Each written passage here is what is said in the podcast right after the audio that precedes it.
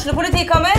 Ine Jansen er purk. Er du purk? The motherfucking bitch. Alt jeg vil, er å finne ut hva som skjedde med mannen min. Jon Carew. Er jeg sikta for noe? Iben Akeli. Det er du. Ole So, Lars Berrum og Big Daddy Karsten. Hvem sin side er du på, egentlig? Anette Hoff, Tone Danielsen, Kommer du fra Afrika? Jørnis Josef, Nesten. Kløfta. Trond Espen Seim, Det er synd å si det, men det var feil mann som døde. Purk. Premiere tirsdag på TV2 Play. Ungsamtalen fra DNB er økonomisk veiledning tilpasset deg som er ung. Bokk en ungsamtale på dnb.no. slash ung. Det er kjempebra hvis du skal inn på boligmarkedet, hvis det er drømmen din, liksom. Det er det du skulle sagt. Og så kunne du ropt litt mer, da, sånn som jeg gjorde. Bam! Oh. Men ja, da er det snart sommerferie, da.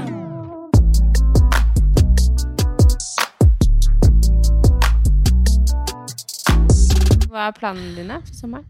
Jeg skal hjem til Nord-Norge. Hjem til Nord-Norge. Ja, det er det jeg gjør i ferien. Ja. Til og med søsteren min hadde trodd at jeg skulle på sånn norgesferie og. Jeg bare hæ? Nei. Jo, men på en måte. Du skal jo Nei, men norgesferie jeg blir jo ikke norgesferie for dere som er fra Nord-Norge, da. Men uh... Nå trodde jeg skulle kjøre liksom langs uh, rundt her i sør. Oh, ja. Bare, hæ? Det er I sør. Hva faen? Jeg skal nå vel hjem. Ja. Nei, Så jeg skal nå som alltid hjem og så fære litt rundt på alle de tingene jeg gjør hvert år, egentlig, Ja. Der oppe. Så jeg har jo en del familie jeg vil besøke. Og... Ja. Hvor deilig. Kan du?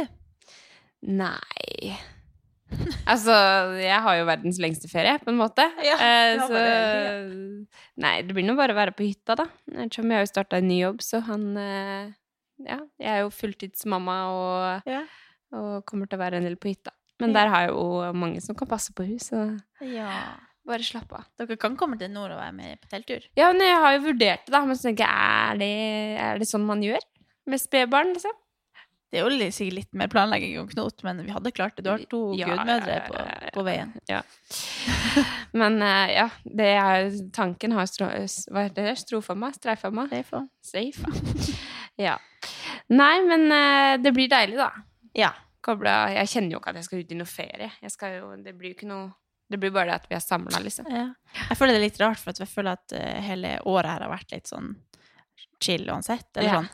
Og så føler jeg nå at jeg endelig liksom kommet inn i en skikkelig jobbflow, og at ja. uh, nå skjer det ting, og nå driver vi på med ting, så blir det sånn plutselig skal jeg bare slippe alt og ha ferie. Ja. Jeg tror jeg blir å slite litt med det. Ja, nei, Og bare slippe alt ansvar og det blir bra til høsten. Da kommer du sikkert tilbake, og så er det full guffe. Ja. Ja, man har godt av ferie uansett om det er det. Ja. Men vi er jo så heldige at vi har eh, nok en gjest her i eh, stua studio. vi har fått inn eh, norgesmester ganger to. Tre, eller? To. Eh, Mathilde Garnes. Ja, tenk på det. Fresh. Vi hadde jo tenkt at vi skulle ha deg med i poden tett, og så bare rett før så ble du norgesmester. ja. Tenk, det er jo dritartig å kunne prate om det. Ja, og nå så kom du rett fra CrossFit Oslo og kjørte 100 burpees for time. Og bare, jeg kommer så fort jeg er ferdig med 100 burpees, og sånn er, sånn er livet. Og så ble det så sein. Ja, så, jeg bare, Det er et dårlig tegn. Da er du vært 16.05, skrev jeg, for du skulle starte klokka fire. Så bare, nei, du kommer klokka fem. Ja, det tok så lang tid, ja. Ja. Det gikk dårlig. Det har vært en Men fem burpees i timen. velkommen inn i stua. Takk. Det er hyggelig å ha deg her. Veldig hyggelig å være her. Hvordan går det med deg? Det går bare bra. Ja. Mm. Så bra. Veldig godt å være i Oslo. Ja, du Ja. har jo akkurat kommet fra Var det Sarpsborg? Ja. Hvor du ble norgesmester. Mm. Herregud, det var mange rare lyder fra hun her på fanget. Men eh, ja, åssen føles det å være den beste i landet? Du er jo på en måte det nå. Jo, det føles sykt digg. Eh, Nå var det jo partner-NM, yeah. så det er vanskelig å måle sånn helt individuelt. Men eh, jeg har jo en, en, et gull fra NM individuelt tidligere, da. Ja. Så, men det var veldig artig å delta med Ingrid Hodnemyr som Mm. team òg. Eh, veldig artig at vi fikk vist eh, sporten vår litt på TV. Ja, det var altså, så det var. Jeg så på alt, jeg. Ja. Og altså, jeg, jeg kosa meg så. Det sa det til Alexander når vi satt og spiste frokost. Liksom, Fader, nå koser jeg meg, for det er så lenge siden jeg har sett crossfit på te, Eller sånn, jeg følte jeg var på en konkurranse, liksom. Mm. Det var helt uh... Det er jo veldig lenge siden alle vi atletene har konkurrert live Ja. uh, Så det var veldig sånn skikkelig bra start på yeah. live konkurranse igjen. At det var på en måte så bra dekning og fikk vist det til ja, både de som holder på med crossfit, men uh, det er jo litt sånn de som sånn som familie og tante og sånn Ja. på over 60, de har liksom ikke brukt å søke opp uh, crossfit eh, semifinals på Nei. YouTube, Nei, på en måte. nei. Sånn at det, at det er på NRK, det er jo Ja. at man når ut til litt flere. og Ja. At, Det tenkte jeg på, Lett Litt tilgjengelig. Når jeg satt og så på det, så tenkte jeg at her er på NRK, det er NM-veka og alt det her, og så tipper jeg liksom at han pappa da, for eksempel, streifer forbi det, så bare sånn, hva er det her for noe? Det står liksom du, du, du, du, og så går du dit, og så er det noe klatt i tauet, og så de bare skjønner ikke hva, hva er det her, for det er sikkert ganske nytt for mange Ja. som aldri har sett det før. Men det er jo noe av det kuleste du kan se på, da. Ja. Men jeg, altså, jeg tror ikke det bare er for meg som er interessert i det. Jeg tror for alle så syns de at det er kult å se på det er skikkelig, ja, det er veldig publikumsvennlig. Veldig publikumsvennlig. Mm. ja. At det, det skjer så mye, da. Og så er det sånn Ok, de er liksom der, så det betyr at de er frem. Så at det blir så tydelig hvem som leder, og hva som er liksom målet. Og, ja. Mm, At det skjer så mye at det er så interessant å se på. Men det er første gang det er på NRK. Ja. ja. mm, ja, Og det var veldig artig. Det var Og så liksom, med liksom kommentator og ja. Skikkelig artig. Så det var liksom gamle lærere fra idrettslinja og sånn, som de følger jo litt ekstra med på oss som på en måte satser på en idrett. Ja. Men de har aldri skjønt hva jeg holdt på med, så jeg fikk melding sånn 'Å, nå skjønner jeg endelig hva du holder på med'. Og sånn. så hyggelig, da. Så det var artig. Ja, men det er veldig bra. At, Mm. eh, jeg håper det kommer mer av det. Mm. Det var litt artig at de sa alt på norsk, da. Ja. Hva det var. Det var jo et, Ja. tær til Tær til stang. Tær til stang. Håndstående gående Nei, Nei. hånd, Håndgående. håndgående. Ja. Ja. ja. Det var mye Det høres bedre ut på engelsk. Og sånn Nikolai skulle si hva Power Han skulle svare på hva Power Clean var på norsk. Han ba nei, nei, det heter Power Clean, i hvert fall på engelsk. Jeg vet ikke hva det heter på norsk. Ja. Styr, styrkevending, kanskje. Ja. Men eh, kan ikke du bare starte litt sånn kjapt med å introdusere deg selv litt? Sånn at folk eh, Veldig mange som sikkert vet hvem du er, men eh, for de som ikke helt er med. Bare hvor gammel du er, hvor du bor og Ja. Eh, Mathilde Øyengarnes. Mm. Eh, 25 år. Og eh, jeg bor i Trondheim, men kommer fra Mosjøen. Yeah. Så jeg er to nordlendinger her i dag. Det er Sør-Norge for meg fortsatt. Ja, sant. Nei, du er faktisk ganske, du er ganske innafor Nord- Nord-Norge. Ok, ja, takk. Eh, ja, bor i Trondheim og er ferdig utdanna fysioterapeut. Mhm. Og eh, personlig trener og kostholdsveileder. Men jobber egentlig mest med på en måte å satse på min egen idrett, yeah. crossfit, og jobber litt med crossfit-coaching og online-coaching og sånt på sida. Men eh, akkurat nå så er det egen satsing som er i fokus, da. Ja. Mm. Ikke sant? Det er liksom sånn, Når du hører på alt du driver med, så er det, det er så mye.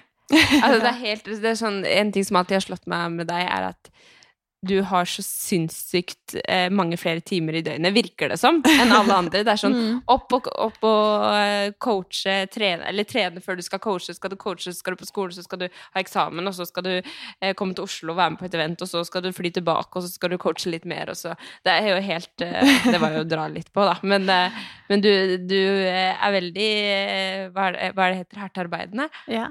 Og effektiv. Og, Ja, ekstremt. Og så fortsatt liksom Ikke noe klaging eller eh, Du er liksom holder det gående. Ja, jeg tror russenavnet mitt var Octopus, det er blekksprut. Ja.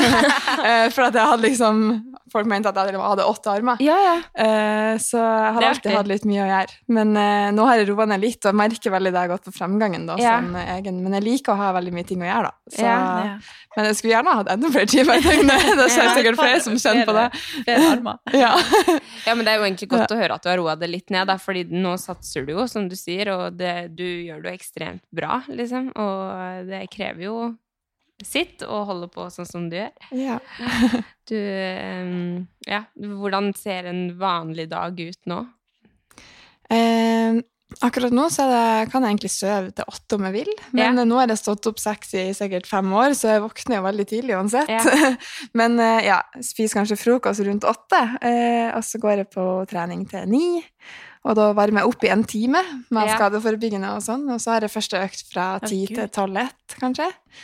Eh, spis, slapp av og jobbe litt, mest på PC da. Eh, Er det imellom. coaching det går i da, eller er det administrativt med boksen? For dere er jo en boks òg. Ja, Ja. det er jeg òg. Ja. Jeg glemte å si. Bare glemte å si Og det sa du ikke? Nei. Nei. Ja, du eier en boks, ja. Ja. Ja. Altså, Starta opp. starte opp CrossFit Trondheim i Trondheim da, i fjor Ja. sommer. Det var 15. juni i fjor. Ja, Ja. det var faktisk det. Det var den datoen vi fikk lov til å åpne Ja, treningssentrene igjen. Ja. Eh, da er det litt administrativt til boksen, og online coaching og kanskje litt kostholdsforledning. Mm. Eh, så jeg prøver å holde arbeid imellom øktene mine til kun PC. Ja. Eh, og hvis jeg skal coach fysisk, ha en wood eksempel, på boksen, så prøver jeg å få gjort unna begge øktene før det. Ja. Eh, og coache heller etterpå, siden man står og viser øvelser og sånn, som til å påvirke økt nummer to. Det er så sykt! Altså, Jeg må Ja. tenke sånn. og bare sånn, Jeg må gå på butikken, men kanskje jeg må vente til etter jeg er ferdig. Du sa når du var innom kontoret, at du, du sa et eller annet om at du kunne ikke Det var et eller annet du ikke kunne gjøre fordi du måtte passe på å hvile før jeg noe Ja, jeg tror det var, Mamma var som privatsjåfør på mandag. Jeg var innom Rebook, Noco, henta alle Ja. pappaskene og alt sånn, for det, jeg må liksom få gjort det på mandag, så ikke jeg går rundt med liksom to store Noco-brett Ja. dagen før konkurranse og sånn. Ja. Ja, det var sikkert det. Ja. Uh, ja. Det er så det er, sånn- det er jo selvfølgelig noen ganger jeg trener økt nummer to etter jeg har coacha, men jeg prøver i hvert fall å gjøre det sånn, for jeg merker Ja, men det er jo sikkert veldig smart. Ja, så det er jo sånne småting si. som jeg har tenkt på mer siste året, som jeg ikke måtte tenke på når jeg var litt mer, litt mer hobby enn det var satsing, da. Men er Mm. det For du uh, har coach Er det The Program som eh, Ja. Er det de Eh, som lærer deg alle de tinga her, eller? eh? Det er nok litt eh, av kunnskapen jeg på en måte har sjøl og lært. Mm. Nå har jeg jo gått bare utdanning som handler om trening, så Ja, jeg vet jo mye om på en måte restitusjons- og treningseffekt, og Ja. når man bør spise før økt, og hva man bør spise, og Ja, ja. ja, sånt. Eh, også selvfølgelig ting man har lært fra coach, og det er jo veldig mange her på CrossFit Oslo også som har hjulpet meg litt. Ja. Eh, så Simen og Joakim og Ja, ja. Magnus har vært litt med på Ja. testing med Magnus og sånn, så Ja. man lærer jo mye underveis på veien. Mm. Mm. Det, er, det er veldig fascinerende å tenke Ja. på. Det er jo en toppidrettsutøver som sitter her. Men jeg føler at det skjedde så plutselig. Fra at du liksom bare ja, likte å trene litt, og så eh, begynte med crossfit, og sånn, så plutselig så bare ble du best i Norge. Jeg husker når du var på CrossFit Gamlebyen på den konkurransen i forfjor. Når du, det ble livestreama til På Ja. natta. ja, på Games. Ja. Mm. Det var sånn Herregud, Mathilde, der! Altså, liksom kommet så langt på Altså, du har virkelig jobba hardt for å komme langt på ganske kort tid, vil jeg si. Ja, det skjedde litt plutselig, Altså, egentlig. Altså, føler, når vi snakka liksom for det, Jeg vet ikke hvor lenge siden det er, men sånn de, de første årene jeg begynte å bli kjent med deg, da når vi møttes på forskjellige ting, da, mm. så var jo du bare sånn som likte å trene og trente litt for hobby, men du var jo selvfølgelig veldig god og hardtarbeidende, men du var ikke sånn at du snakka høyt om at du satsa, eller Nei, det Men var, når starta liksom den Når bestemte du deg for det? jeg føler bare liksom at balla litt på seg. Ja, det Det føler var, jeg. jeg hadde egentlig bestemt meg når det begynte, at jeg ikke skulle satse, for jeg har Ja. på en måte satsa håndball, at det var litt sånn um, Jeg følte egentlig at jeg ikke var ferdig med det, på grunn av det var egentlig en skade som gjorde at jeg ikke satsa videre. Men jeg hadde på en måte ikke sett for meg å starte på noe nytt da, for å satse. Uh, så det var egentlig bare at jeg etter jeg slutta med håndball, så begynte jeg å trene på et vanlig senter. Og når du da er vant med liksom, musikk når du springer mål og lagidrett, så Mm. blir treningssenter veldig kjedelig. Mm. Det blir liksom sånn Ingen snakker, alle har headset. Og Mm. liksom, ja, så jeg ble fort ganske lei. Eh, så ble jeg jo bitt av den crossfit-fasillen når det jeg starta det. Eh, og så var det første konkurranse var Da tror jeg jeg møtte dere, faktisk. Det var Ja. i Kristiansand. Kristiansand. jeg har det som et punkt her, for, det Ja. for da tror jeg du tok Jeg vet ikke om det var din første barmuscle-up, eller var det det? Jeg Nei, jeg tok den i Australia, faktisk. Men du hadde, det var i hvert fall De var ikke så fine å se på, de. Nei, men det, det, det var hvert fall at det var nytt for Du var veldig glad da, for at du fikk inn bar muscle-ups, for det mm. husker, men det skjønner jeg veldig godt, da, for det var jo svømming, og så var det i sanda, og så skulle du plutselig ta bar muscle-ups Ja. i ja. Det var skrubbsår på Jeg har bare ja. bildet i hodet, liksom. Ja, Ja. ja, jeg husker det veldig Ja. godt sjøl. Og da var det egentlig bare to søk som mangla en teammate, og så var det sånn var det, Jeg var den Ja. av de som ikke konkurrerte, som på en måte var best av oss mosjonistene. Ja.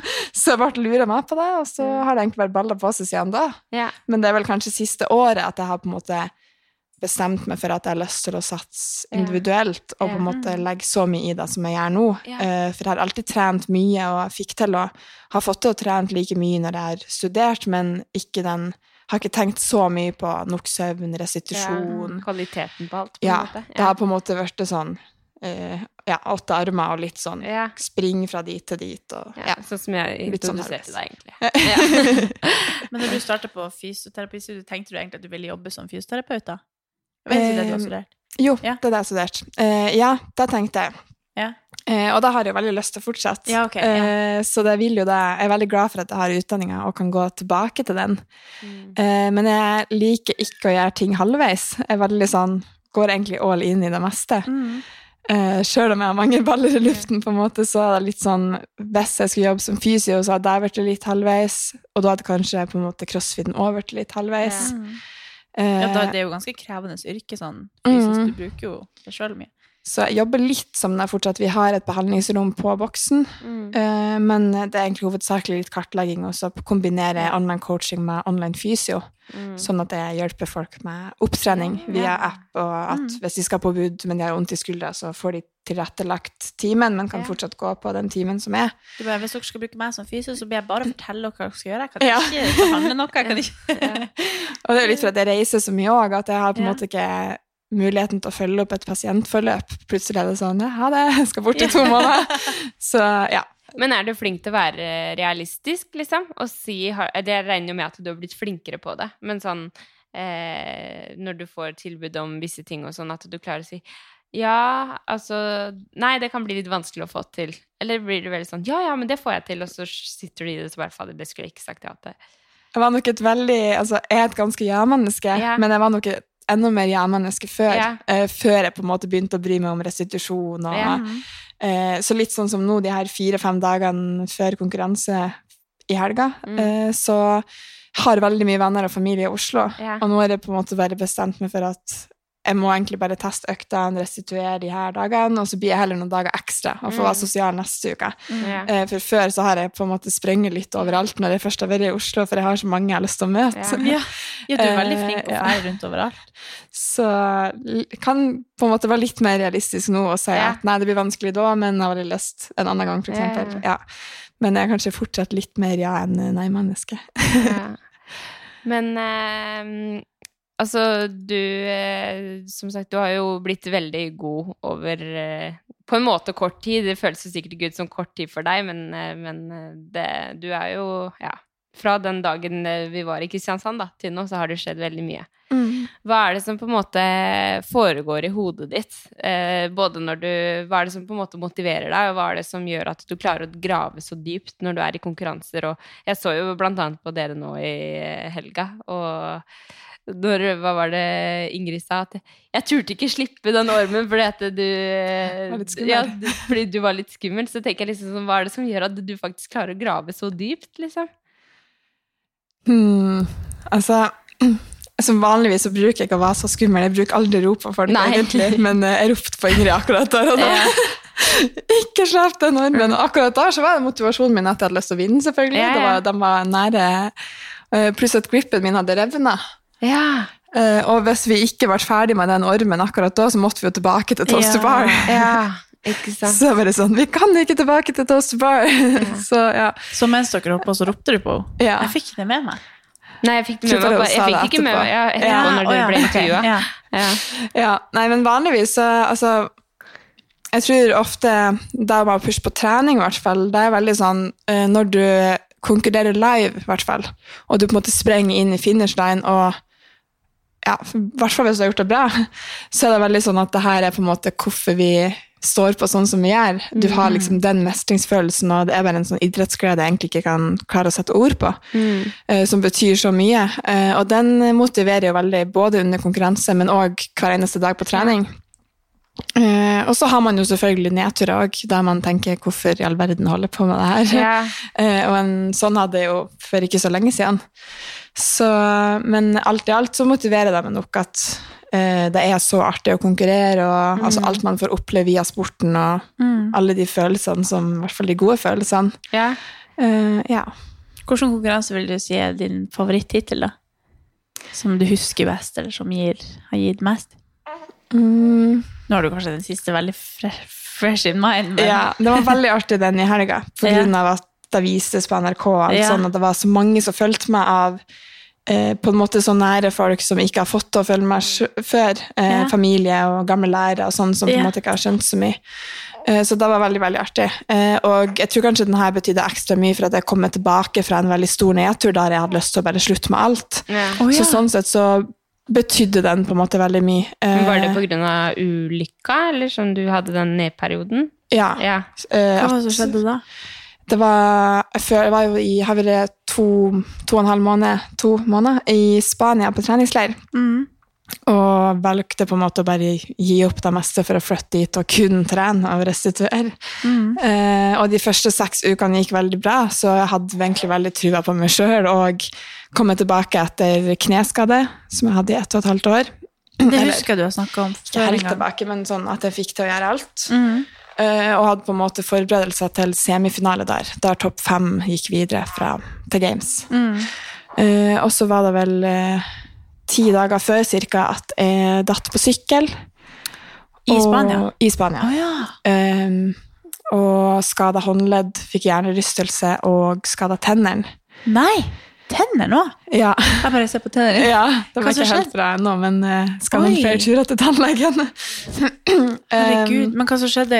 Hvorfor datt, datt du? Det var et uh, kumlokk i veien. Altså, jeg er jo kjent for å være litt klums òg, eh, så det er jo ikke så rart at det har skjedd. Men, eh, men jeg tror ikke jeg kunne gjort så mye annerledes akkurat der og da utenom å ikke Nei. støtte meg på sykkelen. Uh, det var et kumlokk i veien som på en måte var sånn høl i. Eh, altså det var ødelagt, så det var liksom et litt stort hull i oh, ja. kumlokket. Og så de andre jentene de sykla over, men de hadde vanlig sykkel. Og jeg hadde en sykkel med tynt hjul. Som, Ja, landeveissykkel. ja. Ja. Eh, og hjulet mitt for på en måte satt seg fast nedi, så sykkelen bare for ned i bakken, på en måte. Eh, og det var ganske stor fart, og jeg stupte. Det var som å ta et stup Oi. på asfalten, egentlig. Ja, så liksom hjulet satt fast der, og så for Ja, du over? Ja, så jeg for på en måte ned og over. Um, og akkurat når jeg lå midt på veien der, så tenkte jeg jo at nå er det semi snart, og hva skjer nå? For de kom liksom med med, Jeg skjønte jo at jeg var i live, så det var jo ikke på en måte så ille, men de kom med nakkekrage og var liksom redd for nakke. Og i hvert fall når jeg har utdanna meg som det, så vet jeg veldig mye om hvor ille det kan gå. Ja. Eh, Så jeg var nok veldig redd, så det har vært en veldig sånn traumatisk opplevelse òg, som på en måte satt igjen i tillegg til smertene etterpå. da. Ja. Eh, Og jeg har aldri vært på sykehus i utlandet før. sånn Ja, at... det er ubehagelig. Ja, de Det- snakka jo Altså, sju spanske som Ja. sto og snakka Og så snakker de ikke engelsk eller Nei. eh, selvfølgelig ikke norsk. Men ja, jeg så jo eh, det bildet du la ja. ut, og da tenkte jeg bare at hadde, det skjedde liksom nettopp her i Norge, eller? Ja, nei, var før, ja. herregud. Eh, og de spanske legene hadde ikke sagt til meg at jeg hadde hjernerystelse. De hadde jeg spurt om alt var greit, og så var det liksom Yeah, pictures are ok. Så jeg sånn, ok. Men uh, da får jeg Ja, bare igjen, Å, og- ja. Sånn ja, for det skal man jo eh, følge ganske med på. ja. Backing og Så det var jo nakken som var bra, da. Eh, og pga. at ikke jeg kunne løfte vekter pga. håndleddet, eh, så trente jeg hard kondisjon og assaultback sprints og sånn oh. når de andre løfta eh, de her dagene etterpå med masse smertestillende bare for at jeg måtte før semi. ja. Eh, så var det egentlig forsikringsselskapet mitt som ringte sånn fire-fem dager etterpå og hadde lest rapporten. Og der sto det at det er en hjernerystelse, sånn at jeg trente nok for tidlig Oi. og ble ganske dårlig. Så fikk jeg vel egentlig Jeg fikk jo anbefaling om å droppe semien Ja. fra lege, men siden hjernerystelsen ikke var så stor, så sa de at hvis du på en måte pusher det gjennom det, så er det ikke sånn at du blir å, å få liksom post-concussion syndrome eller noe sånt, at du ja. sliter med, med hodepine i liksom resten av livet. Oi. Så det var på en måte et valg jeg måtte ta, da. Um, og Det er risiko du bare tar. det, det er jo på en måte det alt du har trent for hele året, den Ja, ja. ene helga, og eneste sjansen man har til games, sånn at jeg satt veldig langt inne og skulle trekke seg. Eh, I hvert fall når jeg var der nede, og alle de andre skulle kjøre. Det var ikke sånn at jeg bare kunne hjem til familien, eller Jeg var på en måte allerede der, så eh, det var mye smertestillende, sovemedisin, og jeg ble, fikk en del bivirkninger av dem. Jeg ble veldig slapp, ville liksom bare søvn på trening, og ja, sovde ikke om natta og vært veldig tung i kroppen, oppblåst. Og, så det var jo, du vil, hvis du vil prøve Quality Games, så må på en måte alt klaffe. Ja, ja. Eh, ja, pushe meg gjennom den helga med ganske mye volum. Og det var ja, Vanligvis så har jeg på en måte alltid en veldig artig opplevelse når jeg konkurrerer. Jeg elsker liksom open, og Ja. jeg syns det er sykt god stemning. Eh, nesten uansett hvordan det går, på en måte. Eh, på grunn av at det bare er så artig. Eh, men da var det sånn at jeg egentlig bare satt og skreik mens jeg varma opp, Ja. eh, og bare For kom det var igjennom vondt, det. eller fordi at du følte liksom at nå var det dårlig sjanse for at det kunne gå bra? Eller Det var nok en kombinasjon, Ja. men jeg hadde veldig vondt. Så jeg hadde vondt i hodet, herregud. spydde på fredag etter første dag. Og eh, det føltes ut som kroppen bare liksom eh, Prøvde å si slapp av. Shut down, skal Ja. du si. Eh, hva heter det på norsk? blir- At den blir- bare kollapser, egentlig. Man blir jo litt redd òg, Ja, oppi og redd oppi Ja. alt. Så jeg tror nok at Vanskelig å vite hva som er riktig å gjøre, på en måte. Ja. Så derfor ble det ikke en sånn kjempeopplevelse. En sånn, det ble en dårlig avslutning på turen, da, men ellers er jeg veldig glad for at jeg reiste. Eh, Ja. for jeg lærte veldig mye de seks ukene om Ja. toppidrett. på en måte hvordan man Ja. ja, Å ha en fysisk coach og, og hadde veldig god fremgang frem til da. Eh, som målet var kanskje å prøve å Altså, jeg visste jo at det kom til å bli tight med å bli topp fem, men det var jo på en måte selvfølgelig det som var drømmen. Ja. Eh, men at jeg da klarte å pushe meg gjennom og på en måte kvalle til last chance akkurat, det ble jo på en måte en seier i seg sjøl sånn etter hvert, men de Ja. første dagene så så hadde jeg egentlig bare lyst til å slutte med crossfit yeah. for godt. Men eh, jeg tror nok det var min første sånn brutale nedtur, og jeg vet jo at alle har det i toppidrett, men jeg har jo ikke holdt på så lenge, så det ble på en måte første gangen min. Mm. Eh, og når den først kom, så var jeg veldig alene nede i Spania. Mm. Altså, jeg hadde jo folk der, men ingen nære. Ja. Så det ble da kanskje litt ekstra tøft, men jeg bestilte jo flybillett. du var der alene, sånn, men møtte jo folk der, da, selvfølgelig. Men du Jeg reiste med ei venninne herfra, Ja. eh, men hun for noen dager før meg, så hun Ja. var ikke der da. Eh, og så var det jo selvfølgelig alle de andre atletene og, Ja, ja, ja. og Jacqueline som er norsk, men, Ja, ja. men på en måte ingen veldig nære eller familie Mm, eller Nei, noe sånt. da føler man Mm. seg jo veldig en som er oppi det. Og, ja. Ja. Mm. Jeg skjønner jo det. Men uh, du sa du kvalifiserte deg til Last Chance. Er det det som uh, du har gjort i dag? Ja. Ja. Så jeg har bare testa øktene i dag. Ja, okay. Men uh, det er last chance qualifier til helga. Kan man se det? Ja. Nå spør jeg om det, det er jo for seint i poden. Ja, den episoden kommer Ja. litt senere enn vi spiller den inn. Ja. Sant da. Eh, Men da eh, vet man, kanskje når den her er ute, så vet vi om du er i games? Eller? Ja. Ja. Eller om jeg ikke er games. Ja. ja. Spennende. Det er spennende. Men, Men jeg- åssen er kroppen nå? Er den helt fine, eller? Eh, den er stigende. Ja. Eh, den er ikke helt sånn det er ikke, har ikke en sånn supergood feeling, for jeg er litt sånn tung fortsatt etter på en måte alt jeg gikk på, tror jeg. Ja. Men eh, mye bedre, så jeg har på en måte tro at kanskje mot helga så klarer jeg å i hvert fall pushe mye bedre enn jeg gjorde Ja. i forrige konkurranse. og det tar jo litt tid å bygge seg opp, og har ikke vært den beste. Sånn, har ikke fått den formtoppinga som jeg kanskje ville, ville hatt mot en konkurranse, men, eh, men jeg føler meg mye bedre. Ja, Ja. så bra. Hvordan syns du det er å konkurrere alene versus å være på team? Det er uh, vanskelig å svare på. Jeg liker begge delene veldig, veldig godt. Ja. Uh, akkurat Det er sykt artig å gå team, for man går på en måte gjennom alt med noen andre. Mm. Og spesielt liksom når du springer inn på finish line og har gjort Ja. det bra, eller får event win, så når du gjør det alene, så er det en veldig god følelse sjøl, men du har ingen altså Alle de andre på gulvet vil jo ikke feire med det, Nei. for de er jo konkurrenter. på en Ja, måte. ja, det er sant. Uh, så da å springe inn og på en måte holde i hendene og klemme, og alt sånt, det er en sånn helt sykt god følelse. Så Ja. sånn sett liker jeg team veldig, veldig godt.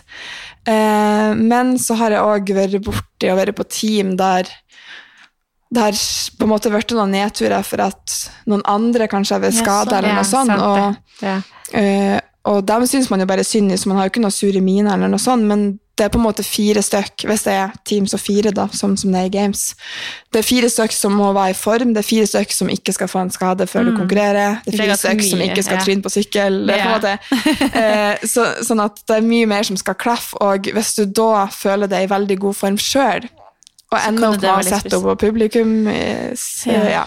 Eh, Det gjorde jeg i Dubai. Jeg følte meg i mitt livs beste form. Det var etter Open 2019. Da plasserte jeg over all forventning sjøl, og jeg følte på meg som en superwoman. Jeg følte meg så bra form Ja. eh, og gleder meg veldig.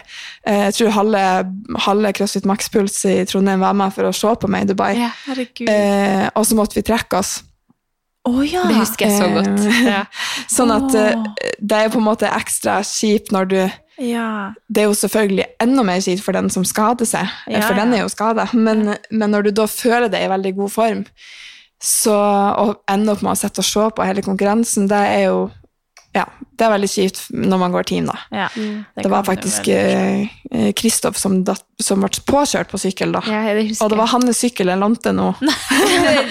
Bare sånn Ta med dere hvis dere skal til Palma og, og sykkel. Ikke Ja, lån den. Ikke lån den. Nei.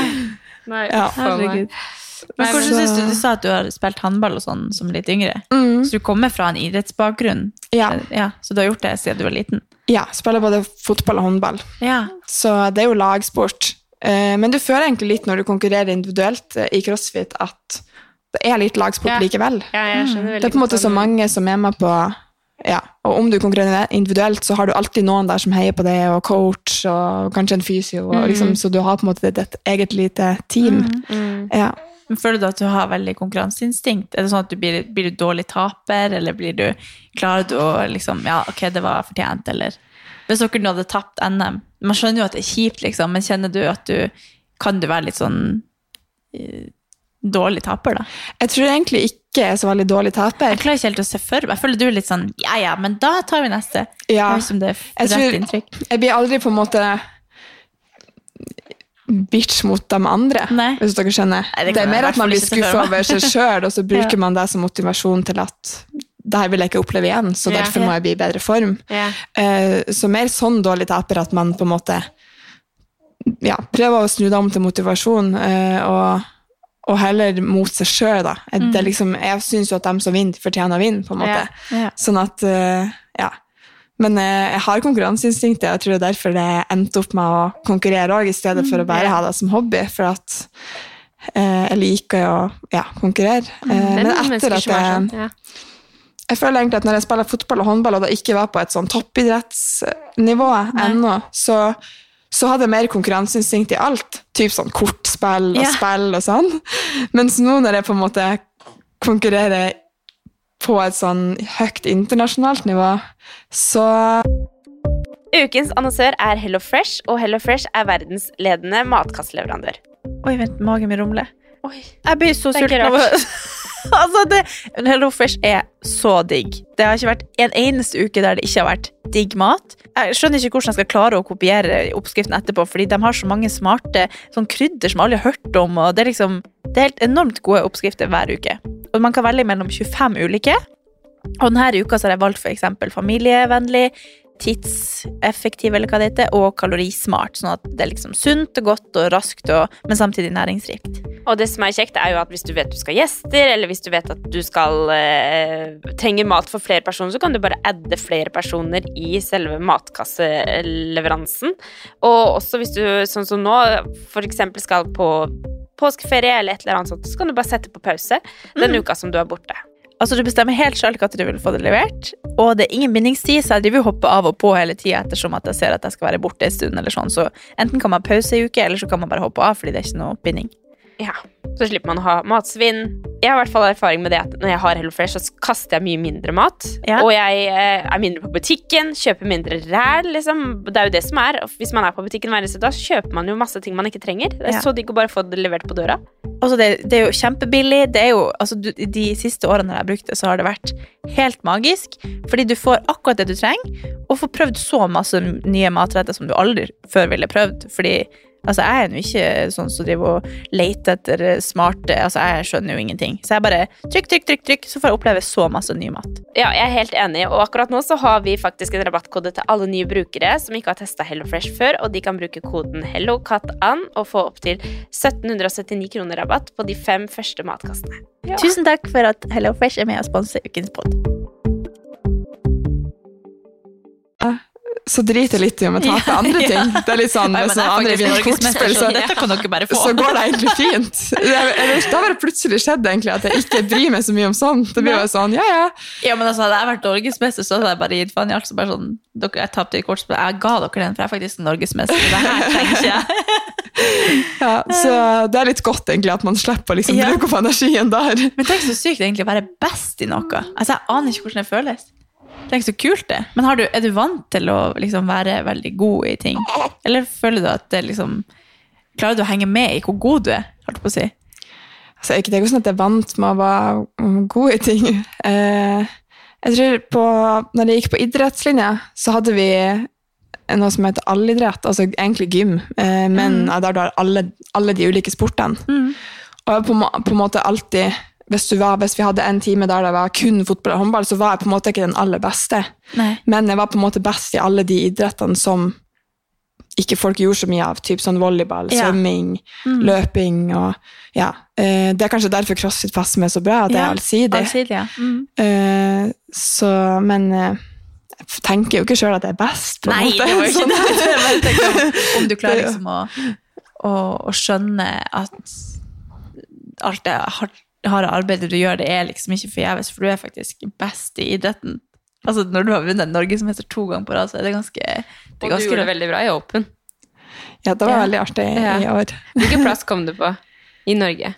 Første. Ja, det var det. Ja. Jeg ble sånn, Var det underveis jeg så det? For jeg bare Ja, det var jo første. Ja, det var Men jeg skjønner ikke Nå kommer mine, sånn, mine spørsmål inn her, da. Men hvorfor kvala du ikke til Games da, når du ble den beste i Norge? Det er det som er med crossfit, at reglene endres hele tida. Ja, det er endra såpass. Ja. For det har det jo alltid vært. Mm. Så eh, i 2019 så kvalla alle som var national champion Ja. i Open, Ja. og topp 20 i Open Ja. worldwide. Så enten national champion, eller hvis man var man kun var topp 20 worldwide og. Andreplass i Zetland, hvis det var Sånn som i Island er veldig mange gode, sant? Uh, og i år så var jeg både national champion og nummer 11, var vel nummer 11 worldwide i Open. Så jeg var på en måte innenfor begge dem som var et kriterium før. Men de nye reglene gjorde at ingen av de gjorde at man kom videre. Nei, fy fader. Eh, så det som er kjipt med det, det er jo at jeg liker egentlig det nye oppsettet med at man har på en måte gamle regionals eller semifinale. da. Ja. Eh, men det kjipe er at du har på en måte ei helg det skal skje på. Hvis du får en skade, eller du er syk, eller du får influensa, eller plutselig fikk du korona. Sant? Så det er liksom ingen ny sjanse. Da er hele sesongen over. Mens i fjor så var det både via Open, man kunne reise på sanksjonerte. Ja. Så det var mye mer sånn Du ble på en måte ikke så straffa hvis du hvis du plutselig ikke har vært i form, eller at du har vært syk, eller plutselig ble man i karantene for at man hadde en eh, Altså en korona Ja, ja, ja. Så det er litt sånn ja. Men var ikke det litt grunnen til at de gikk at de endra på det? Jo, egentlig. hvorfor gikk de tilbake? Vet man det? Det må vel ha noe med korona å gjøre, vel? Jeg tror det er det nye oppsettet de vil ha. Ja. Eh, For jeg husker jo når Så- jeg snakket om noe, Jeg har jo ikke så peiling på alt det her, men at, eh, at det var mange som var så glad for det, for da var det plutselig liksom mulighet for mange å kunne gjøre det bra. mm, for at det ble liksom bare én som kunne dra, eller ja. mm. Nei, jeg vet egentlig ikke helt om det handler om altså, Det ble jo veldig sånn at de som hadde mye bra sponsorer, og hadde råd til å reise mye, kanskje kvala i fjor, eh, Mm. og at de som kanskje ikke hadde den beste støtten økonomisk, oh, ja. ikke fikk, Ja, det jo eh, siden du måtte reise på sanksjonerte rundt omkring i hele verden. ja. Eh, samtidig var jo det veldig artig, for du fikk jo oppleve veldig mye. Ja. Men eh, nei, eh, vanskelig å vite hvorfor de endrer det hele tida. Sånn sett så er functional fitness mye Du kan sette et langsiktig mål, for at de har ikke rettigheter til å endre på det hele tida pga. at det er en offisiell idrett. Mm. Så det blir forskjell når det er en idrett og en bedrift, som CrossFit er en bedrift. Ja. Så du fikk på en måte egentlig ingen goder da, av å vinne Open? Nei, Nei. egentlig ikke. Annet enn at det, det er stolthet, og den, den vil du, du vil ikke tenke at du er best, liksom. Men hvordan eh, Du starta jo eget gym. Hvordan er det å drive et senter samtidig som du satser på høyt nivå? Det går egentlig veldig bra. Ja. Eh, det har skjedd egentlig veldig fort, det der. Hva var grunnen til at du ville starte? Eh, egentlig så ville jeg bare, har jeg på en måte bare tenkt at jeg vil starte når jeg legger opp crossfiten, typ, Ja. når jeg blir sånn master eh, 35 pluss. Ja. Og du er 25. Eh, så det har skjedd ti år for tidlig. Eh, og på en måte kombinere det. Jeg har veldig lyst til å jobbe privat som fysio på en klinikk, så jeg har veldig lyst til å, liksom, drømmen var å starte opp en, en crossfit-boks med et fysiorom eller noe klinikk på en måte når jeg la opp crossfiten. da. Men så var det egentlig Det var noen som drev den CrossFit Trondheim i Trondheim fra før. Så det var en boks. Ja. Eh, Men det var liksom egentlig bare en, på en måte en litt stor vennegjeng som hadde et eget lite ja. lager på en måte for å, for å trene og holdt det gående, uten at det var noe sånn veldig offisielt eh, stort gym. da. Eh, og de hadde ikke lyst til å drive lenger, og så spurte de om jeg visste av noen. Og da kom jeg bare på meg sjøl. så da, ja, da gikk egentlig i ett sett etter det. Jeg tror de spurte oss sånn midt i mai, og jeg tror 17. mai, så det var kanskje sånn to-tre dager, eller noe, i hvert fall maks ei uke siden de spurte, så bestemte vi oss da. Eh, og da bare ringte jeg pappa og sa at nå må du komme og pusse opp. Eh, det var da Kristi himmelfartshelga etterpå, og han kom nedover, og så bare ja, ei uke etterpå så hadde vi egentlig åpna. Ja. Eh, men vi måtte jo vente på å få lov til å åpne dørene Ja. til 15. juni, da. Herregud, så fascinerende. Ja. Men er det Så- sånn at du er sjef over det personellet som er det, da? Eller hvordan? Vi er tre stykker som eier lag med lik eh, andel. Mm. Eh, og det er jo to veldig, veldig nære venner. Mm. Eh, ene er barndomsvennen min fra Mosjøen, oh, ja. eh, som òg er fysio. Eh, sånn at det er helt fantastisk å drive med dem, for de har jo så lyst til å støtte meg på veien og Ja. på en måte unne meg alt og vil at jeg, hvis jeg reiser bort, så går det på en måte fint. Og, ja, så det er mye administrativt man kan gjøre fra overalt i verden, men eh, eh, ja, det går veldig fint, og jeg tror det hjelper veldig at vi er tre, da, at man ikke driver det helt alene. Ja. Uh, og har veldig mange flinke coacher som kan dekke opp alle timene og Ja. sånt. da. Mm. Altså, du har så mange baller i lufta at det er Ja. Her sitter jeg, og hva faen bidrar jeg med her? i Jeg føler at dere òg har mange baller i lufta hele tida. Jeg har en unge og jeg er ferdig med det. Ja, du Nei da. Jeg føler at dere eh, har mange flere timer i døgnet enn meg. Jeg tror man Jeg tror kanskje vi tenker litt for mye at vi, vi er ingenting, vi. Ja. Nei, vi blir bare så imponert. Altså, du starter og driver eget og blir ferdig med fysio og alt det her oppi samtidig som du satsa og ble proff. Og, altså, det krever veldig mye trening å drive med crossfit. Altså, sånn, Det det det gjør du med alle toppidretter, da. Men, men du skal jo på en måte kombinere alt. Altså, du kan jo plutselig bli utsatt for at du skal eh, Hva det var jeg nettopp tenkte på at dere kunne bli utsatt for? Ja, altså, du må jo nesten være Du må jo kunne gå på ski. Du må, kunne, Ja. du må liksom kunne bli utsatt for hva som helst, og så skal du kunne Er det ikke skiskyting som er i, Det var det i crossfiten på. nå? Dere må Ja, det var lære vel dere å skyte. Uff, der har jeg ikke kommet ennå, altså. Nei, men det, det er så mye Er det Ja, ikke det er sånn en mye ny rart. greie? Jeg håper jeg kan komme i sånn cross country skiing, altså vanlig Ja. ski. Ja. Der. Da tror jeg vi norske kunne Ja. Ja, ja. Det hadde vært fett, det, da. bitt fra oss Ja. litt. Pass på at Spesielt vi nordlendinger. Ja, Jeg har jo aldri gått på ski før korona, holdt på å si. Det var nå for så vidt ski jeg gikk på når jeg skada kneet, så Ja. kanskje Håper de ikke kanskje begynte sykkel eller ski. Sykkel og ski, nei. Da var det bedre med biker og skiøg, Ja. tror jeg. Men hvordan, hva gjør du når du kobler helt av? Gjør du noen gang det?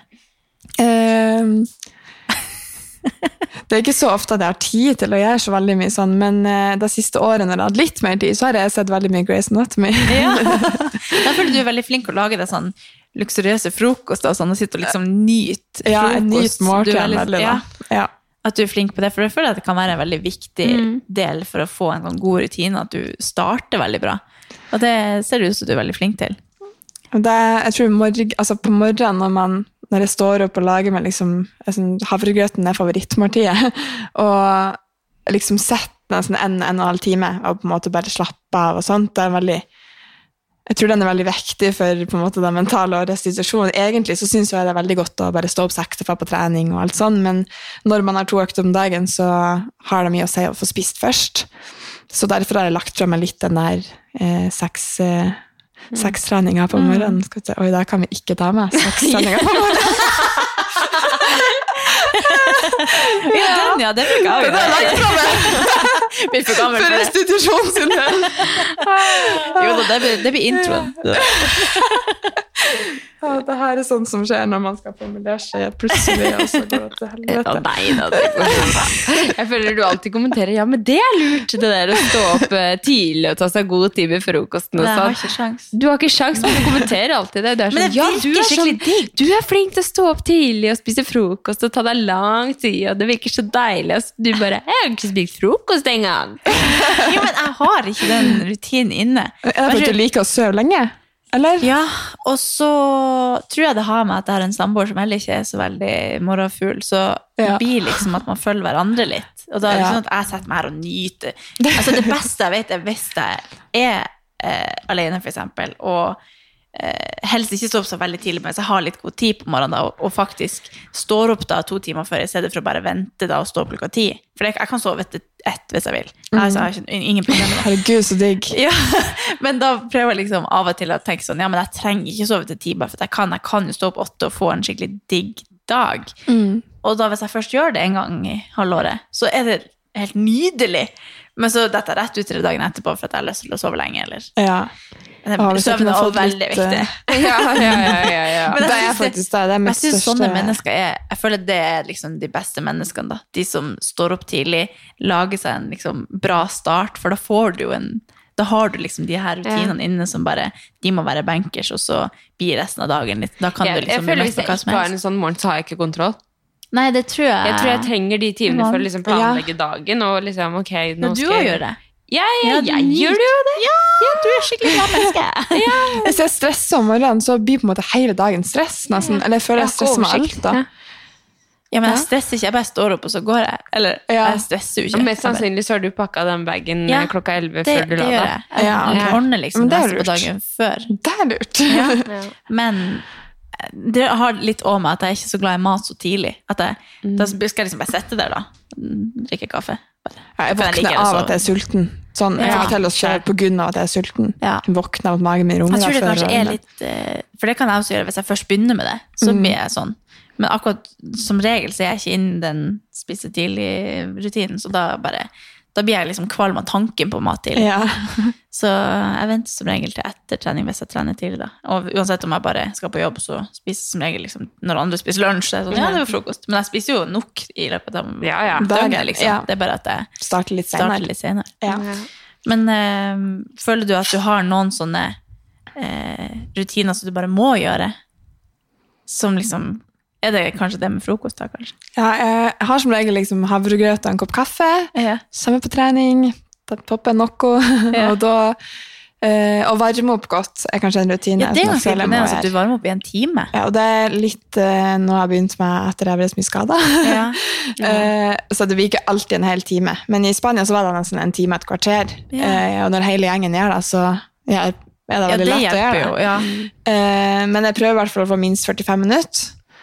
Eh, og det er noe som jeg på en måte syns hjelper veldig mye på at, ja, at kroppen føles veldig mye bedre på en måte underveis. Både på trening, men òg sånn etter og i løpet av jeg har treningsuka. og litt sånn, ja, har mindre om man har en stor skade, så blir den jo der uansett, sånn som kneet mitt har vært nå, men de der små ondtene på en måte har forsvunnet litt etter jeg har vært mer nøye med oppvarming. da. Mm. Um, Hva det var som at skjedde? Du skal deg på ski? Ja. Hvordan gikk det an? Eh, jeg gikk langrennsski oppe i, på fjellet uten å løype, sånn i løssnø, på en måte. Ja. Så var det på vei ned at jeg datt oh, ja. og vridde kneet. Så jeg fikk oh. eh, ruptur i menisk, sidebånd og tre forskjellige muskler. Både fremside lår, bakside lår og legg. Oi. Det er så typisk, og det er sånne ting Jeg husker jeg tenkte bare når jeg brakk armen, så var jeg sånn Jeg var så glad for at det skjedde på trening, for da var det på en måte vært det. Ja, Men når det skjer på en sånn der random dritting Ja. altså, Nå mener jeg ikke at det å gå på ski er dritt, men det er sånne ting du gjør en gang i året, liksom. ja. Og da skal du skade deg. Det er så irriterende. Det er mye bedre å satse på trening. Hadde jeg liksom slått hjernerystelse på chest to bar i stang, så er det sånn Ja, jeg ga alt, på en gjorde det jeg elsker å gjøre. Men øh, nei, det er så irriterende Ja, å bare skade seg på noe sånn tull. Ja. Ja. Ja, ja, jeg føler meg det der. Men føler du at den, de skadene gjør at du ikke tør å eh, ta sjanser på ting nå? At du blir litt mer sånn forsiktig, som du kanskje ikke ville eller følte på før? Ja, jeg merker at jeg er mye mer redd når jeg er ting. Eh, sånn, eh, jeg har alltid spilt en fotballcup. Det er sånn innendørs futsal. Ja. Eh, I jula i Mosjøen. Ja. Hver romjul. Eller før jul. Eh, og det har jeg egentlig gjort fortsatt. Nå ble det avlyst pga. Av korona i år, da. Eh, men jeg merker for hvert år så er jeg litt mer redd yeah. for å skade meg. For Ja. før var jeg aldri redd sånne ting, sånn å hoppe i fallskjerm eller å gå på ski eller liksom bare sånn ei bratt sklie i et badeland. Altså, jeg var liksom aldri redd for noen ting, mens nå når det betyr så mye at kroppen på en måte Ja. Mye større risiko. ja, så, så merker jeg at jeg er litt mer redd. Sånn, ja. Bare sånn, Jeg elsker å spille beachvolleyball. Eh, og Ja. nå var jeg på landslagssamling før NM-veka. Eh, av at jeg har litt dårlig kne. da, Så jeg var med to dager før, men dagen før så måtte jeg på en måte bare holde meg på hytta. Jeg kunne ikke være med og se på engang, for jeg vet at jeg har så lyst. men, for jeg elsker det, liksom, men jeg bare tenker at jeg kan ikke skade meg nå. Så jeg blir jo litt mer sånn passiv på sånne ting, da. Ja. Ja, Spesielt i sesongen. ja. Ja. Når har du på en måte helt, Har du noen gang helt fri? I crossfit er det jo veldig lite offseason. Ja. Det er jo veldig mye av det i andre idretter. Ja. Eh, men det er mulig å ha på en måte en liten pause eh, fra sånn november til mars. Ja, ok. Eh, I hvert fall hvis man konkurrerer i både crossfit og functional fitness. Eh, for da, hvis man hadde konkurrert i bare crossfit, så er man på en måte offseason etter games Mm. fra august for de som kommer dit. Hvis ikke blir det jo etter semifinale. Mm. Eh, Men så er det Functional Fitness NM i september og Functional Fitness VM i oktober-november. Skal dere dit nå, da? Ja. Ja. Så for min del så blir det egentlig ja, etter VM, sånn november til Open starter igjen, at du har på en måte en liten offseason, men så starter jo sesongen litt før Open da, med å begynne å på en måte få opp mer kondisjonstrening. Og, Men det er kanskje den perioden man kan på en måte slappe av litt med, i hvert fall. Ja. Ja. Men nå er det team-VM du Eh, skal i. det er Eller Man sender tre individuelle og ett team. Oh, ja. Så det er egentlig landslagscoach som tar ut mm. hvem som skal hvor. Ja. Eh, mest sannsynlig skal jeg gå individuelt. Mm. Eh, for nå har jeg gått eh, Første VM-et var, jeg var som team, og da fikk vi gull. Det husker jeg. Så jeg har litt lyst til å prøve å se hvor Hvem langt det jeg kan gå. Da var jeg med Det var ganske mange, var det ikke det? Jo, Ja. eller vi var fire. Oh, ja, det var ikke Ja, Men vi var flere individuelle ja det var, som var med. ja, det var sånn det var. Ja. Og da var det Så- team på fire. Ja. Er det det nå også? ja. Ja. Men hvorfor Så- var dere to nå?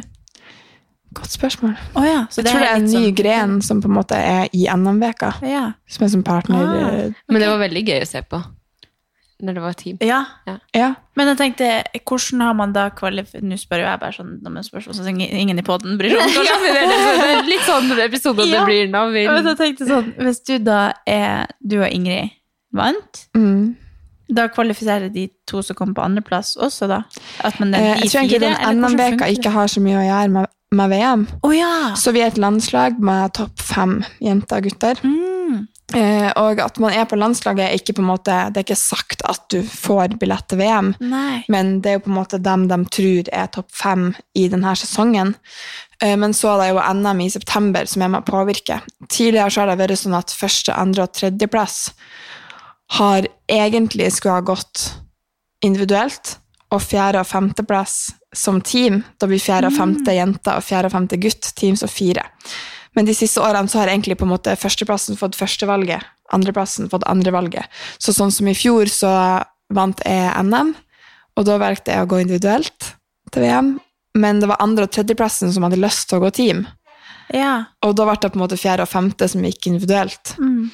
Eh, sånn, ja. mens i år så tror jeg de tar ut, altså de tar ut et, eh, et landslag, og så er det NM, og etter der blir det tatt ut en VM-tropp, så da NM har ikke vært ennå.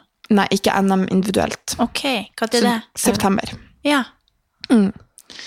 Så da blir det tatt ut en VM-tropp. Ja. Eh, der coachen egentlig bestemmer hvem, altså tre som skal gå individuelt, og to pluss to som skal gå team. ja. Ja. Og VM er da i oktober. Ja, Ja. eller november. Hvor det skal være? november. Eh, det skulle egentlig være i Australia. Oi! Å, så gøy! Eh, og jeg har bodd der før, så jeg hadde lyst til å Eller planen var egentlig å, å være der en måneds tid. Ja, før Ah, fysiostudiet. Herregud. I et halvt år bare, da. Tok du PT-studiet der? Ja. Ja. Og så var jeg igjen litt etter det, og reiste reist litt og sånn. Eh, så det var egentlig Australia, men pga. korona ble jeg flytta til Sverige. Nei, kjedelig! Ja, men Skal det være VM der på, for alle, eller blir det bare for Det blir for alle, men Australia har innreise, eller de har helt stengte grenser. ja. Så ingen som kommer seg dit. Men gøy for Sverige, da. At Altså, de får det. australienerne kommer hit, da? Eller til Sverige? Ja, de kan komme seg Ja. hit. For dem, det er lov til å komme inn i Australia hvis de er australske. Ja. Men ingen Men da kommer liksom andre. hele verden til Sverige, da. Ja. Det er jo litt kult at det blir Ja, her, sånn sett, men det er jo kjipt for dere Det er jo på en måte lett å reise, og for dem som konkurrerer, men har en fulltidsjobb på sida, så er det jo helt genialt. Men i hvert fall sånn, for min del nå, som bare satser, så kunne jeg gjerne tenkt meg en Australia-tur ja, i stedet for. Sverige. Det skjønner jeg godt. Eh, men, men det, altså, det viktigste er jo at vi får konkurrert. Så. Men vet du om det kommer til å bli sendt på, V- på NRK? Det vet jeg ikke. Nei. Det, om det var bare liksom NM-veka, eller? Mm, er Det hadde vært veldig gøy å kunne se. Mm. Men det er i hvert fall Man kan jo se det andre plasser, da. Men Ja, det er det jo, kan man jo. sjukt artig å se på CrossFit. Altså, Ja, det ja. synes jeg, jeg husker Mm. at jeg bare fant videoer fra David Starr og alle de her i. USA. Sånn det, for det er så gøy å se på, selv om sånn i starten da jeg ikke var helt inne i liksom, Jeg er jo fortsatt ikke helt inne det, jeg bare trener det på gøy. Men du, du blir skikkelig motivert av å se på. Så det er veldig kult å se folk man kjenner også. Vi hadde jo partnerøkt på lørdag. Jeg bare Nå ser vi ut som Mathilde og Ingrid! ja, akkurat det vi. Hva var det det var? Burpee box jump over? Jeg bare Ja. ja. Nei, vi, jeg tror ikke vi så ut som Eller Nei hørtes ut som dere. Jeg bare lot. Altså, Det var Men uh, det er i hvert fall sykt artig å høre litt om uh, deg og hva du tenker om ting Ja. og livet ditt. Og, Jeg synes det er så interessant. Jeg føler vi lever sånn sykt forskjellig liv, eller Ja. at livet vårt blir på en måte litt sånn meningsløst. Når, Nei, når man kan ikke, jeg syns jo dere har fått det så mye. Kanskje vi skal satse på noe? ah, nei, men det er i hvert fall eh, eh, Ja, nei, jeg blir skikkelig inspirert Ja. og motivert av å snakke med deg. Det ber jeg dere Ja, det er veldig kult liksom Jeg føler liksom Lille Mathilde, som vi, vi bare var ute på tur, og så plutselig er du liksom og konkurrerer mot verdens beste. Det er helt sjukt. Men også er det bare, du er liksom så ydmyk og så Ja, eh, Nei, ja, men jeg er ikke den beste. Så bare Jo, det er du. altså, det er Mathilde fra Mosjøen. Ja. Mathilde fra Mosjøen. Ja. Ja. Det er artig. Nei, Ja. men uh, Ja, vi, uh, vi tenker jo at uh, alle må følge med på VM. Og tenk at vi kjenner deg og har hatt deg med i poden når du blir verdensmester. Og det blir spennende å se om det blir noen games. Ja, det blir veldig spennende. Det er bare to av 35 som går videre. Og Men det er ikke det Europa lenger, det er på en måte nå hele Hvem er det du konkurrerer mot nå? Liksom? Hvem er dine største konkurrenter? Det er jo, nå er det jo dem som på en måte akkurat ikke kvaler, så det er jo eh, fordelen i semien var at det var noen på en måte Jeg fikk syvendeplass, og da var det på en måte noen fra åttende til tredjeplass. Ja. Og der på en måte kanskje 20 til 30 i hvert fall var på en måte et hakk bak. Mens nå så er det på en måte dem som Alle de fra sjette til åttende, så det er en, sånn sett er det på en måte en større bukett med, Ja. med på en måte større atleter. Da. Ja. Eh, samtidig som at de aller beste på en måte er plukka bort. Ja. Eh, men jeg tror kanskje de største konkurrentene er altså Kristi Eramo, hvis dere vet hvem det er. Og Emma Tall, Uh, Ja. Karin Frey og jeg som heter noe Christine Collenbrander eller noe sånt. Ja. Uh, det var jo en semi i USA med både Tia Claire, Hayley Adams, Amanda Barnhart og Brock Wells. Og når de på en måte er topp fire, som nesten er topp fire i games, Ja, ja. så blir det er nok eh, dem som er helt ned til 10.-15.-plass der ganske god. Mm. Det var jo ganske umulig for dem som var i den semien å kvalle videre. Ja. Så dem som var der, er nok en, ja, ganske store konkurrenter. Ja. Så vi får se, da. Det er så sjukt. Nå Men sitter- du sitter her, liksom. Ja, jeg tenker, men hvis du kommer til games, vi, vi tenker jo det, Så vi heier på deg. Takk. da er det første gang du er i games individuelt. Ja. Har du vært i games på Teams? Du skulle. Jeg kvala i fjor, men det, Det var det avlyst. Ja, det var det, ja. Ja. Her, så dere skulle, det var det da den ene på teamet ble skada? Nei, eh, da kvala vi og var klar, vi, men eh, korona. Å ja! Ja.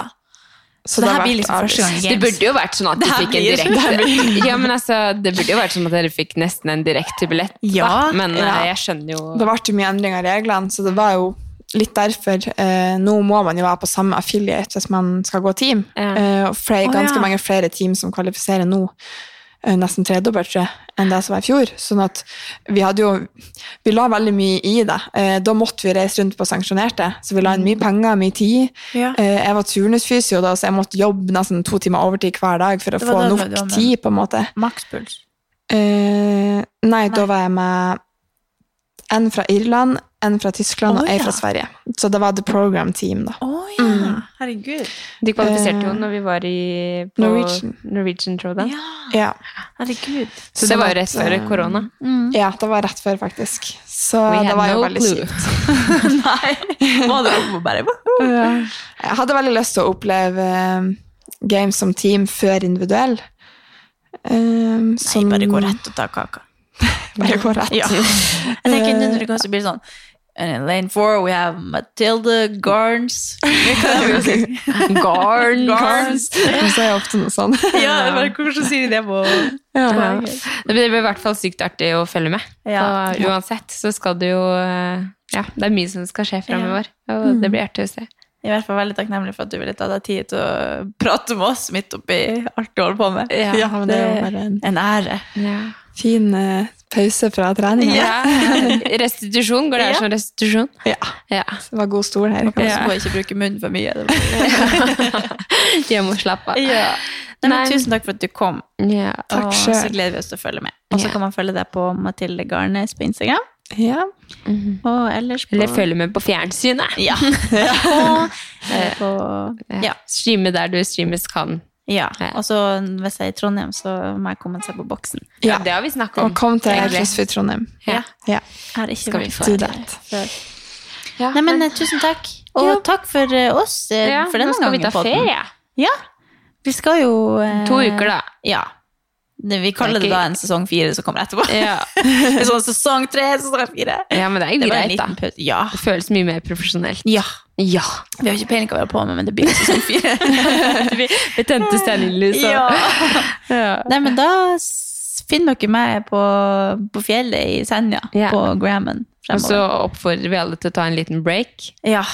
Ta en, jeg tror man har veldig godt av det. Ta en helt sånn Skal du ha en sånn. Insta-total, sånn som du alltid har på sommeren? Ja, jeg tror det. Ja. Men uh, når jeg skal på tur, så kommer jeg nok til å ta en del bilder. og Sånn, at, det, at jeg foreviger minnene. Det er det beste jeg vet, å gå tilbake på Instagram og se på hvordan alt man har gjort. og sånn, Så jeg kommer nok til å fortsette å gjøre det. Men, men uh, jeg skal nok uh, jeg skal ta helt fri for mobilen en stund, fordi at den er med på jobb og alt mulig. Og når jeg er ferie, da må jeg bare nyte det. Ja. Så skal du? Jeg vet ikke, jeg vet liksom ikke helt hvor, hvor er mine uker med ferie. Jeg blir helt sånn stressa. Går ut i ferie nå? Ja, men jeg kan det første juli i morgen. Jeg kan starte med ferie i morgen. Jeg vet ikke helt, jeg er litt forvirra.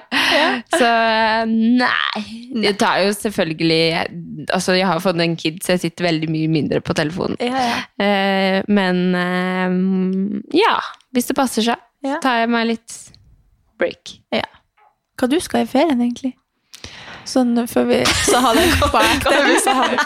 Altså, det er veldig eh, det er veldig vanskelig ferie, å planlegge når man har kvalik og sånn. Eh, Ja. Så alt avhenger jo selvfølgelig litt av hvordan ting går. Ja. Eh, hvis jeg ikke Hvis ikke så kvalifiserer så tar til Games, så tar jeg ferie, eller skal reise hjem til familien eh, i nord jeg òg. Ja. Eh, og så skal broren min gifte seg i sommer. så koselig. skal komme hjem til deg. Eh, utenom det så har jeg jo ikke vært i Trondheim siden før april. Så Oi, jeg skal ja. dit. Eh, Ja, og så er jeg boksen. Så bare legge til at hun bor i Trondheim. Ja. Uh, ja. Så jeg har ikke vært hjemme. Jeg har egentlig ikke pussa opp ferdig Kom du rett eller fra. Mallorca Eller var det Mallorca du var? Ja. Ja, Kom du rett fra Mallorca til Oslo, eller Sarpsborg, eller Uh, jeg kom fra Mallorca, og så fikk jeg ta karantenen min i Mosjøen med familien. Eh, der er det hjemmegym, sånn at jeg fikk trent. Men så fikk jeg ikke trene pga. hjernerystelsen, så jeg kunne lyst til å ligge på et hotell. Men det var veldig koselig å se familien igjen, da. Ja. Eh, jeg kjørte til Trondheim en natt og rakk ikke å få på boksen. Nei. så var det rett hit på landslagssamling og NM-veka, da. Ja. Så Hvor du fått, når du er her? Nå er jeg til, eh, Først så var jeg til min bror, han Ja. bor her, og så har jeg vært til noen familievenner ute i Asker, for mamma var her.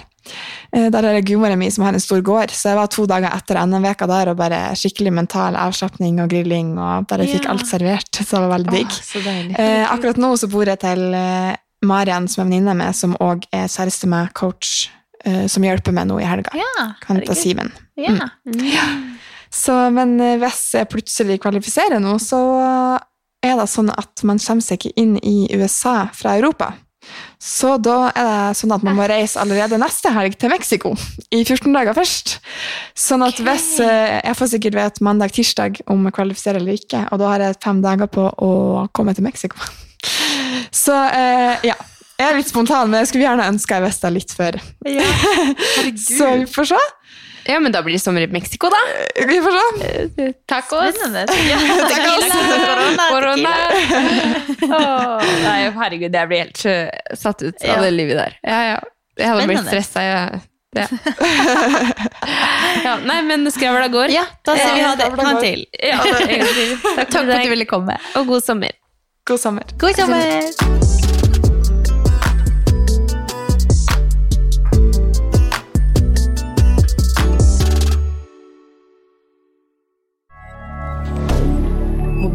Media. Har du et enkeltpersonforetak eller en liten bedrift? Da er du sikkert lei av å høre meg snakke om hvor enkelt det er med kvitteringer og bilag i fiken, så vi eh, gir oss her, vi. Fordi vi liker enkelt. Fiken superenkelt regnskap.